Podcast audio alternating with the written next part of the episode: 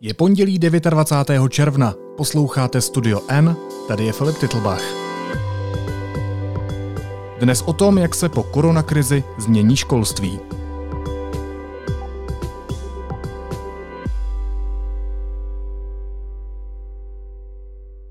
S posledními červnovými dny se uzavírá neobvyklý školní rok, během kterého strávila většina žáků a učitelů tři měsíce doma. Na pondělí a úterý vyhlásila většina škol ředitelské volno a děti si tak pro vysvědčení šly už v pátek. Většina z nich na něm našla opět známky, přestože ministerstvo školství vyzvalo učitele, aby letos ohodnotili žáky spíš slovně.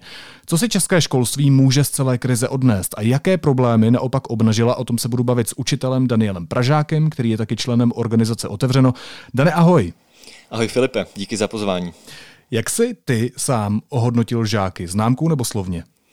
Já se přiznám, že jsem chtěl využít eh, právě slovního hodnocení, protože jsem to i s žáky třeba v průběhu roku dělal, ale ten závěr školního roku eh, s tím vším, co to přineslo, byl, eh, byl pro mě hodně náročný a zůstal jsem nakonec u těch známek ale dával jsem pochvaly, které byly zacílené na, na jako tu dobu distanční výuky. Eh, vím, že ale je spousta učitelů, spousta škol, který se v tom skokově posunuli a v třeba organizaci Trvalá obnova školy, což je network, který združuje školy po celé republice, tak si vytvořili vyloženě manuál, jak pomoct školám, které dosud nehodnotili slovně, tak aby to zvládli. Protože třeba se slovním hodnocením eh, se to má tak, že ve chvíli, kdy člověk píše poprvé a nedá si s tím tu práci, tak to někdy i může být vlastně horší než ta známka. A mně se to stalo před pěti lety, kdy jsem učil na jedné soukromé škole a psal jsem poprvé slovní hodnocení a strávil jsem u toho několik večerů na to, aby to bylo opravdu, opravdu kvalitní a věděl jsem v tuhle chvíli, že na to, na to nemám ale je to jedna z věcí, co jsem, co jsem chtěl zkusit a je do, dobře, že na spoustě škol a spousta učitelů to zkusila a šla do toho. A je dobře, že se vytvořil ten precedent toho, že ministerstvo řeklo, vlastně podporujeme slovní hodnocení jako nějakou tu cestu.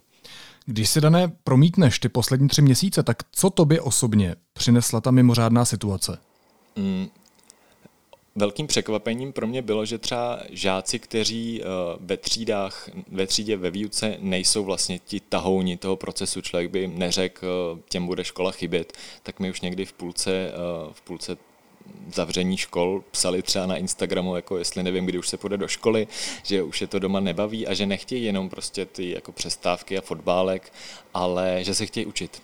A pak nastávaly takové bizarní chvíle, jakože protože Někteří žáci zjistili, že se jim lépe pracuje třeba po večerech, tak mě takhle v půl jedný přistála na Instagramu zpráva, eh, kde se jeden žák ptal na nějakou geologickou věc z tématu, co jsem jim zrovna sdílel, tak mě to vlastně přišlo jako zajímavé. A naučil jsem se, naučil jsem se, myslím, něco i o nás učitelích že eh, jedna z těch věcí, co se, co se jako často tematizuje v našem školství, tak je práce s chybou a to, že s tím moc neumíme pracovat a myslím si, že pro řadu z nás, učitelů, najednou to, že jsme ve chvíli, kde je úplně logické, že všichni budeme dělat chyby, protože je to jako absolutně nová situace, tak jsme si ty chyby víc dovolili dělat.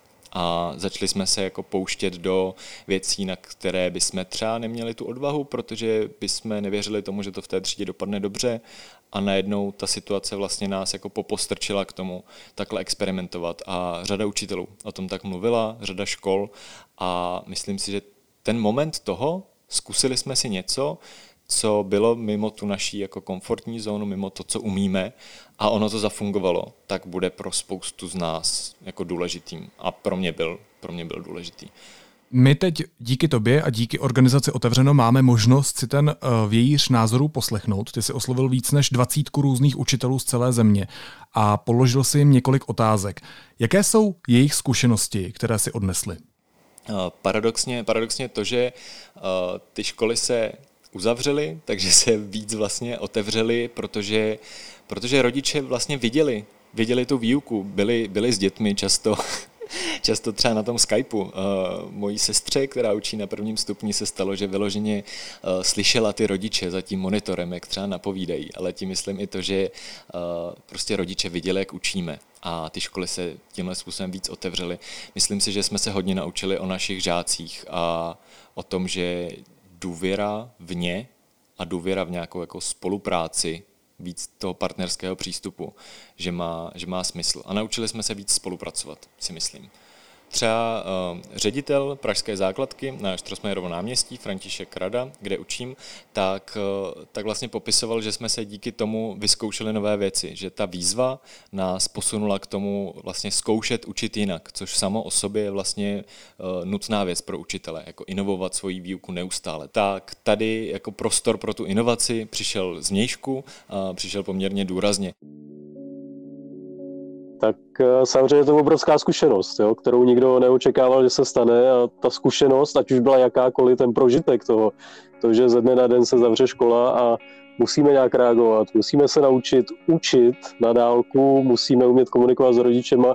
Ta představa, že to bude zavřený dva týdny, tři týdny a oni jsou, jsou dva až tři měsíce, byla neuvěřitelná. Takže pro mě jako ta zkušenost srovnání se s tou realitou byla neskutečně silná a to je to, co si odnáším dál. Myslím, že nás to posílilo.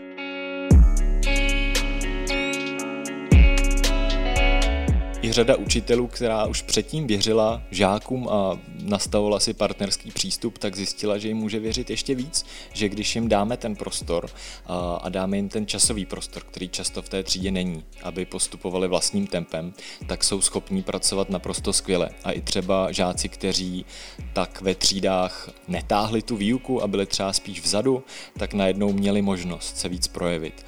A zároveň i to, že některé děti, a to se co se ví, jsou na to data, tady se to víc, eh, víc zvědomilo, eh, že některé děti prostě stresují, přepadové písemky, stresuje ten tlak, který v tom našem školství je a tahle situace vlastně jak u koho, jak kde, ale třeba u paní učitelky ze Znojma, Evy Hřibové, tak vlastně nasvítila to, že těmhle dětem se teď pracuje mnohem líp, když si mohou tu svoji práci lépe rozvrhnout a podobně. Tam, kde jsem ve třídě dopředu měla nastavené dobré vztahy, tak to naskočilo mnohem lépe na tu online výuku a tam, kde se mi to nepodařilo, nebo třeba jsem měla jenom pár měsíců šestáky a ještě ty vztahy tam samozřejmě nejsou tak dobré, tak tam to je mnohem jako vidět, že je to mnohem horší potom nastoupit na takovouhle výuku.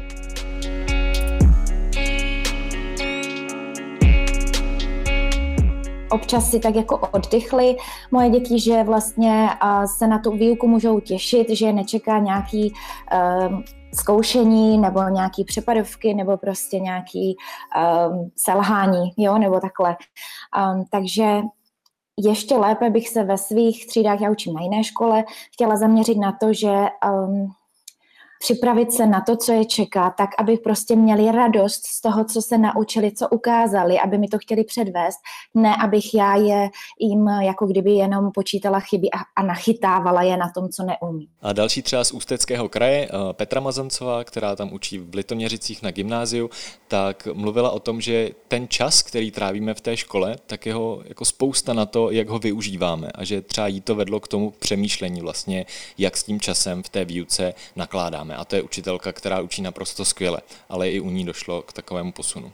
Chci si odníst ten pocit, který jsem asi měla i předtím, ale který mám čím dál tím víc. A totiž, že na vztahu k tomu, koho učíš, zásadně záleží. A že bez toho vlastně mi to vůbec nefunguje. Takže Uh, jsem zjistila, že když učím na dálku, tak samozřejmě ze začátku se dá na tom vztahu stavět protože prostě pokračuje nějaké naladění, nějaká možná i trochu chemie, co jsme s tou třídou nebo s těma uh, dětskama měli prostě z minulosti. Ale uh, jak tam vůbec nedojde k tomu žádnému osobnímu kontaktu, tak to začne být čím dál tím složitější a složitější. A uh, podstatě by mi přišlo nemožné třeba takhle pokračovat ještě další tři měsíce.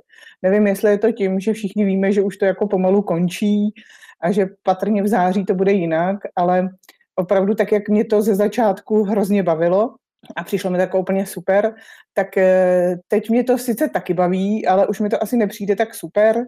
Vnímám, že je mnohem těžší udržet moji pozornost, jejich pozornost a asi i nějakou smysluplnost toho všeho, co, co přes tu obrazovku děláme. Dané, eh, co vlastně rozhoduje o tom, jestli se ta výuka na dálku vydaří? Je to jenom o tom, aby student důkladně plnil ty úkoly, aby učitel kontroloval, aby učitel psal těm rodičům a vyžadoval po nich, aby se ten jejich syn nebo ta jejich dcera neflákali a všechno splnili? Protože i to byl jeden z problémů. My jsme mluvili s mnoha rodiči, kteří zkrátka říkali, že je to pro ně nezvládnutelné chodit do práce a pak ještě doma vlastně zastoupit roli toho učitele. Eh, to je jedna z věcí, o které se v našem školství mluví dlouhodobě a vlastně i teď a spousta, spousta učitelů to, to říkala a to partnerský přístup, který je postavený na důvěře, eh, na důvěře žáka k učiteli. A naopak a třeba jsme natáčeli nejenom v České republice, ale s Davidem Jilmou, který působí na Novém Zélandu a ten vlastně mluvil přímo o tom, že ta důvěra je mnohem to důležitější než eh, vlastně jako důsledné a nějaký policajský přístup prostě a že se to tak ukázalo, že ve chvíli, kdy se těm žákům ta důvěra dá a dá se jim ten prostor, tak prostě oni, oni pracují často mnohem lépe, než kdyby jim někdo stál za zády. Lidé byli překvapení, a to včetně rodičů, jak eh, je ten žák schopen vlastně si ty svoje věci řešit.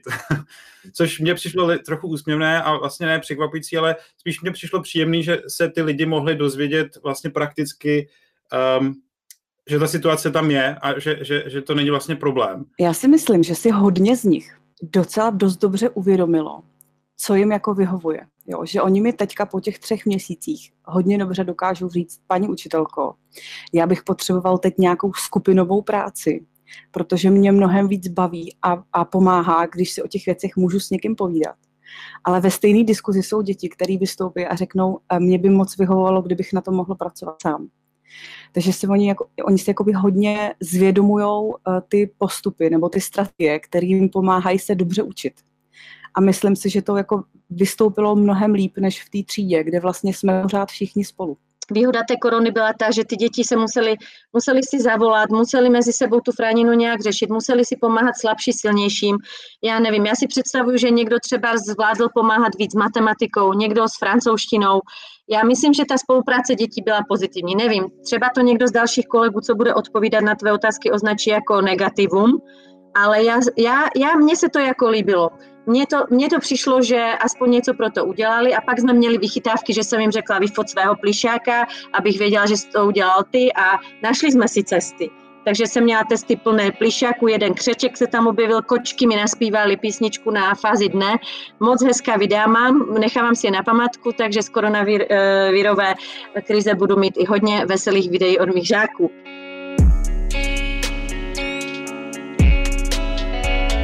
Řada učitelů uh, mají samozřejmě své děti a tak pro ně zavření škol vlastně vypadalo tak, že v jedné místnosti učili oni a ve druhé místnosti se učili jejich děti a i to vlastně vyzkoušení si obou těchto rolí bylo pro mnoho učitelů vlastně jako otevřením očí, protože na ty rodiče byl teď velký tlak a ne vlastně všech to vůbec šlo v reálném časoprostoru zvládat. Tak to, že jsme to viděli vlastně v přímém přenosu, tak bylo pro nás taky dost užitečné.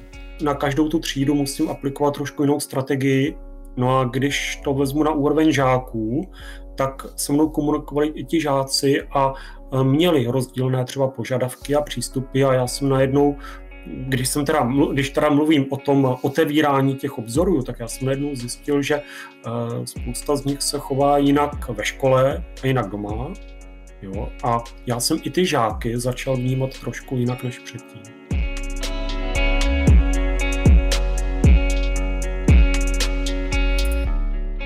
Ty jsi Dan zmiňoval a zmiňovali to i další učitelé, tvoji kolegové, eh, že jste se sami museli naučit spoustu věcí. Co třeba pro tebe bylo nejnáročnější, ehm, ať se to týká ať už technologií, nebo tou formou té výuky, nebo jak se chovat k těm dětem, když je vlastně nemáš v té třídě, ale jsou doma.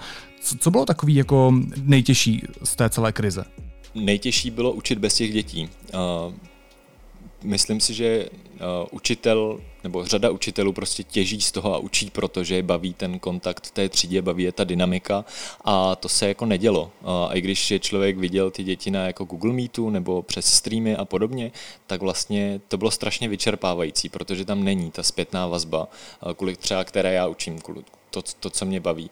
A zároveň velkou výzvou bylo třeba překlopit skupinovou práci, se kterou hodně pracuji ve svých hodinách, jako do toho on- onlineu. A případně i to být v pohodě s tím, že žák odevzdává úkol měsíc po deadlineu, protože prostě ho rodiče odvezli na chatu a on tam jako byl bez internetu a že vlastně to, že to posílá o měsíc později, není tyjo, on se na to vykašlal, posílá to o měsíc později, ale znamená to, on se připojil k internetu a začal pracovat, což je vlastně hrozně jako skvělý. A uh, tohle uvědomění. A myslím si, že řada, řada lidí, co, co byla na home officeu, tak zjistila, že to nejtěžší je přinutit se doma, přepnout a pracovat, což pro mě to jako nebyla, nebyla jednoznačná věc a dost mi to nešlo. Mně to nejde dodnes. Každopádně, Dane, mě v těch vašich videích zaujala jedna podle mě zásadní myšlenka. To byl konkrétně poznatek ředitele té pražské základní školy na Štrosmajerově náměstí, pokud se nepletu, Františka Rady, který řekl, že i když byly školy zavřené, tak se paradoxně nakonec víc otevřely. Paradoxně to, že ty školy byly zavřené, tak se ty školy vůči rodičům a dětem neskutečně otevřely. Vlastně to přineslo otevření škol, rodiče viděli pod pokličku, jak se připravuje výuka, jak to funguje, jak komunikujeme my jsme se museli naučit skvěle komunikovat s těma rodičema a dětma. Vnímáš to ty stejně jako pan Rada? Tak pan, pan Rada je zároveň můj ředitel, ale ne, i bez toho bych... S touhle, Takže nemáš šanci to vnímat jinak. S touhle myšlenkou napro, naprosto souhlasil. Uh, už to, že bylo víc vidět do naší výuky, a když to řeknu, jsem biolog, tak eh, do, naš, do střev naší výuky, vlastně do toho, jak to připravujeme. A ti rodiče do toho mohli nahlížet a ti, ti žáci vlastně taky víc viděli do toho procesu. Tak bylo to vidět eh, v mnoha vtipech na sociálních sítích, jakože teď by se teda opravdu mělo přidat učitelům, že si to ty jako rodiče vyzkoušeli, tak já si myslím, že jako z, i z druhé strany, protože často na ty rodiče byl kladen jako enormní tlak a že ti rodiče viděli, kolik toho se děje a jaký ten, jaký ten proces je. Třeba právě za mojí ségrou pak eh, teď, když měli tři dní piknik, tak za ní rodiče chodili a děkovali jí, že vlastně vůbec netušili, eh, co všechno obnáší ta práce toho učitele a že si to vyzkoušeli a že teda obdivují její svatou trpělivost uh, s jejich dětma. A myslím si, že to, že to, že bylo možné do toho nahlídnout a zároveň bylo možné i nahlídnout do toho procesu, jak se učitelé učí, protože byla spousta webinářů zaměřených na konkrétní témata, tak to, to v té společnosti něco změnilo, si myslím. No jo, ale ne všichni učitelé to vnímali tak, nebo vnímají tak, jak to vnímáš ty, protože předpokládám, že tady byli i učitelé, kteří dbali především na to hlavně, aby ty děti, aby ti žáci prostě odevzdali úkoly a nic jiného neřešili. Hmm. Já jsem to měl v přímém přenosu, protože můj mladší brácha studuje na škole na základce, kde vlastně se tohle dělo, kde jako dokonce Eh, do konce koronakrize vlastně nesjednotila ta škola třeba kanály, kterýma, kterýma posílají, eh, posílají úkoly, což mě přišlo jako hrozný. Eh, zároveň jako můj táta dělá sezónní práci vodáckou pučovnu, takže v tuhle chvíli si mohl vlastně dovolit být s tím, s tím mým bráchou doma a plně se mu věnovat. A i přesto to pro něj jako vlastně bylo těžký. A to si pak člověk říká, jak to mohlo fungovat v těch rodinách, kde vlastně není tenhle komfort, kde třeba není ani internet. A e, určitě tyhle zkušenosti e, nejsou celé naše školství a je řada učitelů, který prostě zůstali na tomhle nebo který posílali úkoly mailem, přečtěte si ze strany do strany, ale vlastně i to, jak o tom e, začalo mluvit ministerstvo, vlastně velmi z kraje, že se má soustředit spíše třeba na rozvíjení kompetencí, což je něco, na co se snažíme cílit 15 let, jenom se to ne vždycky děje, tak vlastně je nějaký posun. Že třeba těm, těm uh, učitelům, kteří se třeba k tomu rozhoupávali a potřebovali nějaký impuls, tak v tom je to posun. A samozřejmě uh, nemusíme si nalhávat, že všichni učitelé jsou takový a určitě jsou mezi náma tací, kteří prostě tu svoji výuku neinovovali a nebudou ji inovovat. Bohužel. Pojďme se tady dostat i k těm temnějším stránkám, k té kritice. My jsme se teď bavili víceméně nad pozitivními okolnostmi celé té krize, ale třeba ne všichni rodiče měli čas na ty svoje děti, ne všechny rodiny mají doma internet, jak se zmínil. Tak eh, pojďme se ještě pobavit nad žáky ze znevýhodněných rodin. Jak to dopadlo na ně? Uh, jo, tohle je velké téma, mimochodem teď, ven, teď je venku uh, návrh strategie 2030, na strategie vzdělávací politiky do roku 2030, kde nerovnosti jsou jako silně tematizované jako jeden z největších problémů. Konkrétně to už jako před koronakrizí uh, vypadalo tak, že rozdíl ve výsledcích žáků mezi Prahou a třeba Karlovarským krajem jsou vlastně až tři roky školní docházky, což je obří rozdíl. Eh, ty vzdělávací systémy, ke kterým vzhlížíme, tak vlastně dokážou rovnat eh, tyhle ty rozdíly. U nás to funguje tak, že pokud tvoji rodiče prostě nemají vejšku, tak ty máš extrémně malou pravděpodobnost, že se na tu vejšku někdy dostaneš.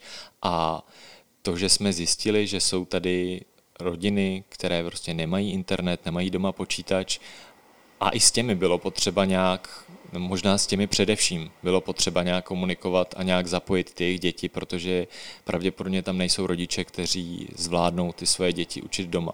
V tomhle ohledu mi přijde skvělý projekt ministerstva a české televize Učítelka, který vlastně jako televizi má doma asi skoro každý, rozhodně víc než internet, že vlastně poskytl nějaký jako support třeba těmhle rodinám. Z druhé strany ale podle šetření České školní inspekce 10 tisíc dětí nám vlastně úplně uh, zmizelo během té koronakrize z toho procesu. Vlastně až 10 tisíc dětí bylo jako absolutně nezapojených, že tam jako neproběhlo nic, což je jako šílené číslo, protože to je 10 tisíc jako lidských bytostí, 10 tisíc budoucích voličů.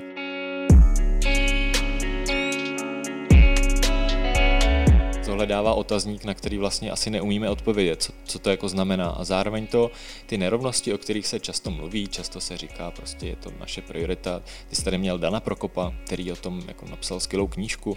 A, tak teď je to nasvítilo ještě víc, a ukázalo to, ten problém tady fakt máme. Jako pojďme se o tom bavit doopravdy a ne jako jenom říkat, je to důležitý téma. Dobře, ale když se nasvítil ten problém, když se obnažil ten problém, který prokázal nerovnost mezi jednotlivými dětmi, tak to přece znamená, že ta online výuka plošně úplně fungovat nemůže.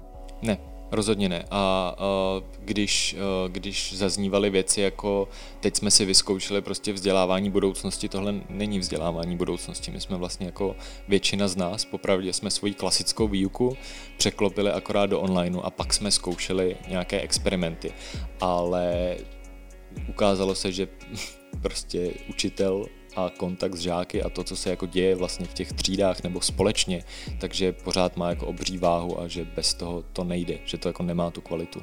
Když jsi zmínil například Karlovarskou, když jsi zmínil 10 tisíc dětí, které zmizely z toho procesu, tak eh, v jakých dalších regionech byl nebo obvykle bývá ten největší problém?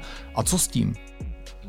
Eh, je to, je to jednak to Karlovarsko, je to Ústecko, jsou to pak vyloučené lokality třeba na Plzeňsku a podobně.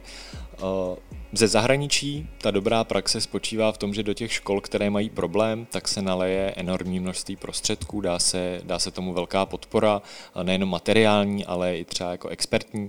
V našem prostředí tohle teď zkouší EduZměna, která ale to neskouší vlastně na nějakém jako postiženém regionu, ale na nějakém norm, průměrném regionu.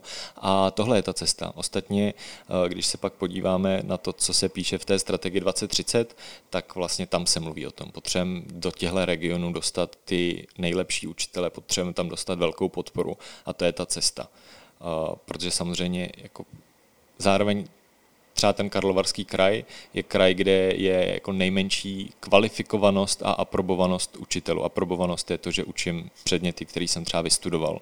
Jo, takže tam vlastně učej lidi, kteří nemají vystudovaný učitelství, neučejí svoje obory a to se samozřejmě odráží na kvalitě té výuky. To znamená, my potřebujeme do těchto regionů dostat prostě tu kvalifikovanou sílu pedagogickou a potřebujeme tam dostat i tu oporu jak pro ty uh, učitele, pro ty ředitele, tak pro ty rodiny. No a už se to děje? Dostávají teď v těch vyloučených lokalitách školy ty největší experty? Sypou se tam ty peníze, které jsou potřeba? Ptám se na to, jestli v tom stát selhává, anebo ne. Uh, myslím si, že tímhle se experimentuje u nás a že se to děje třeba na úrovni místních samozpráv. Vím, že eh, třeba v Chebu eh, se snaží eh, přilákat různými jako finančními pobídkami třeba učitele a podobně. Vím, že třeba v Hradeckém kraji se děje nějaká jako ochranná síť kolem těch učitelů. Třeba u nás na sedmičce se zároveň pracuje se syndromem vyhoření učitelů. Data rok, dva stará, ukázala, že až 65% učitelů je silně ohroženo syndromem vyhoření. Takže tady vlastně vznikají tyhle ty iniciativy, které uh, se soustředí uh, na to vlastně budovat, budovat tu síť, uh, řešit tyhle ty problémy.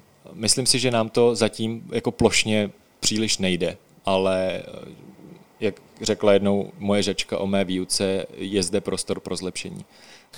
Um, Dane, myslíš si, že se děti vrátí do stejných škol, ze kterých před tou mimořádnou situací odešly? Myslím si, že ten rozdíl je ve školách, kde už se některé ty inovace nebo inovativní věci děly, kde třeba probíhala větší spolupráce mezi učiteli a kde probíhala kde fungoval partnerský přístup mezi učiteli a žáky, tak to jsou školy, které dobře naskočily na tu online výuku a kde se ty věci podařilo dobře nastavit. Mimochodem se tam podařilo i dobře nastavit třeba ta pomoc těm rodinám, které třeba nemají počítač, nemají internet. Myslím si, že tyhle školy rozhodně nebudou stejné, až do nich děti přijdou, protože tam nastane velký skok a netroufám si odhadovat, jestli to nastane u všech škol. Myslím si, že ne všechny školy vlastně uh, měly stejné výchozí podmínky a stejně tu situaci zpracovali. Myslím si, že ale naše školství jako v celku to rozhodně posune o kus dopředu. Uvidíme v září, uvidíme v prosinci, o jak velký kus to bude. Jak konkrétně si představuješ, že to bude vypadat? Popiš mi takovou jednu hodinu. Moje, moje hodiny možná zůstanou dost stejné, ale využiju třeba to, k čemu jsem se já sám rozhoupával, i přesto, že Google Classroom znám vlastně tři, dva, tři roky, tak jsem ho doteď nevyužíval. Najednou jsem musel a to, že žákům, kteří chtějí uh, jít víc do hloubky, tak budu přes něj sdílet, uh, sdílet materiály na studování, dávat různé badatelské úkoly a v hodinách budeme pracovat právě na té skupinové práci na projektech, což nám jako vlastně rozváže ty ruce. Uh, to třeba se změní. Myslím si, že se hodně změní komunikace mezi školou a rodiči a žáky a myslím si, že mnohem víc budeme jako učitelé stavět na tom, aby jsme byli s těmi dětmi. Myslím si, že budeme víc teď stavit na tom uh, trávit ten čas společně a ve spolupráci. Ne v tom smyslu, učitel vykládá, žáci poslouchají, ale děje se tam něco dohromady, protože to je to, co nám teď opravdu chybělo a i když to bylo přes Zoom, i když to bylo přes Google Meet, tak to prostě nemělo tu kvalitu. A vyzkoušeli jsme si, že to chybí a že možná teď na tom budeme víc stavět. Ze strany nás, učitelů, uh, tam došlo k nějakému tomu vhledu možná většímu, jaká je ta situace u těch žáků doma, vlastně jaké jsou ty výchozí podmínky a určitá jako vstřícnost a myslím si, že ta, to bude i z té druhé strany, že si ti rodiče vyzkoušeli vlastně, co to teda všechno obnáší a že pokud jim ten učitel něco posílá, tak to neposílá proto, aby je otravoval, ale že prostě má jako snahu, péči uh, vlastně o ten, o ten proces. Myslím si, že tam dojde prostě k většímu nastavení jako spolupráce a partnerského přístupu vlastně mezi všemi těmi třemi skupinami. Ještě jedna taková poslední otázka na závěr, která by mě zajímala, já už se jí na ní tradičně ptám nebo ji otevírám u různých hostů z různých profesí. Třeba my jako novináři často řešíme, nakolik máme používat sociální sítě, co na ně psát, nakolik ukázat zákulisí práce, nakolik ukázat soukromí a tak dále. Eh, jak je to u vás? Jak se má učitel chovat na sociálních sítích, když ho tam prostě běžně sledují jeho studenti, jeho žáci? Uh, myslím si, že my jako učitelé máme tu zodpovědnost, že jsme svým způsobem vzorem i když to třeba ty děti tak jako neřeknou, ale jsme nějakým prostě jako modelovým případem a tak já bych si třeba na svoje Insta stories, protože vím, že mě tam žáci a zjistil jsem teda, že i rodiče mých žáků mě tam sledují, tak bych se tam asi nedal ne, nevím, alkohol, když teda teď půl roku nepiju, nebo to, že někde pařím. Na druhou stranu třeba kolega, který má kapelu, tak tam jako dává storíčka z koncertů a občas na ty koncerty pak ty děti přijdou. A myslím si, že k tomu bychom tak měli přistupovat. To, že vlastně máme nějakou zodpovědnost za to, co nastavujeme pro ty žáky jako normu. A já třeba mám to, že eh, protože svůj Instagram používám zároveň jako fotografický profil, to znamená je otevřený, tak vím, že tam ty děti přijdou a proto třeba i když jsem fotil, nevím, něco v plavkách a podobně, jako že s nějakou modelkou, tak to bych si tam nedal, jo, protože přijde mi to vlastně, tam jsem zároveň jako učitel a zároveň nesleduji své žáky. Na druhou stranu, pak nastávají takové momenty, jako když uh, žáci uh, citovali v hodině můj Twitter, tak to se člověk skutečně zamýšlí nad tím, uh, co na ty sítě dává, kdo všechno to čte a podobně. No jo, ale já se vlastně ptám i na to, že oni tě můžou zastihnout prakticky kdykoliv, 24 hodin denně, tak kde je ta hranice? O čem a kdy si s nima píšeš a co a kdy už ne? Byl, to ten, uh, byl to ten případ, uh, jak jsem zmiňoval s tou geologií, kdy mi někdy v půl jednu ráno napsal ten žák a já jsem mu odepsal, podívej, Valentíne, teď jako je můj čas. A na druhou stranu mě vlastně ta situace pak jako zaujala natolik, jako on mě píše o e, vnitřních geologických dějech, že jsme si nakonec do jedné ráno jako řešili tu geologii. Ale já jsem mu vysvětlil prostě, že tohle vlastně jako ne, hodně nestandardní situace. A mám to oddělený, to znamená, někdy prostě, když je to akutní věc, tak odpovím klidně na svém Instagramu žákům na dotaz, ale často, je, často řeknu, podívej, jako oficiální kanál, tady je mail, pojďme využívat ten mail. Ale zároveň z druhé strany když potřebuji něco rychle sdělit, třeba k výletu, který se koná druhý den, tak vím, že když napíšu na svoje storíčko, vemte si svačinu a možná bude pršet, vemte si pláštěnky, tak si to prostě celá ta třída přečte a že pokud bych jim to poslal do školy online, což je systém, který využíváme, tak možná to si někdo tu pláštěnku neveme. No. A zmoknou. No pokud by vás zajímala témata školství víc, tak doporučuji poslouchat podcast Hovory z kabinetu, který vytváří tady právě můj podcastový kolega Daniel Pražák. Dane, díky moc za rozhovor. Díky Filipe.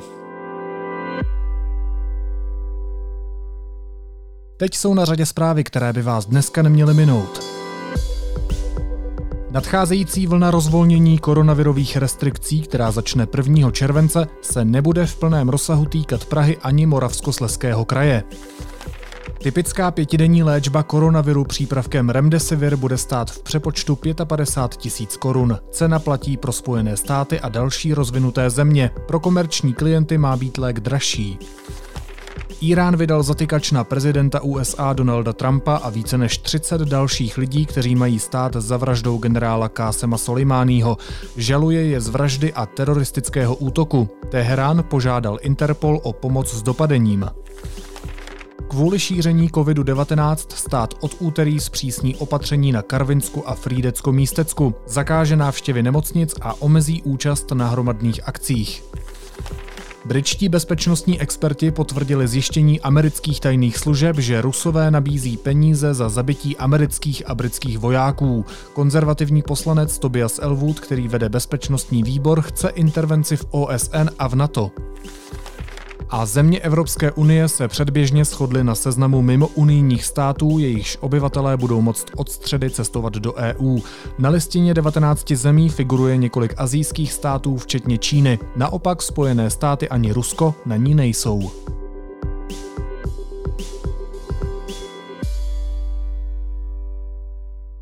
A na závěr ještě jízlivá poznámka.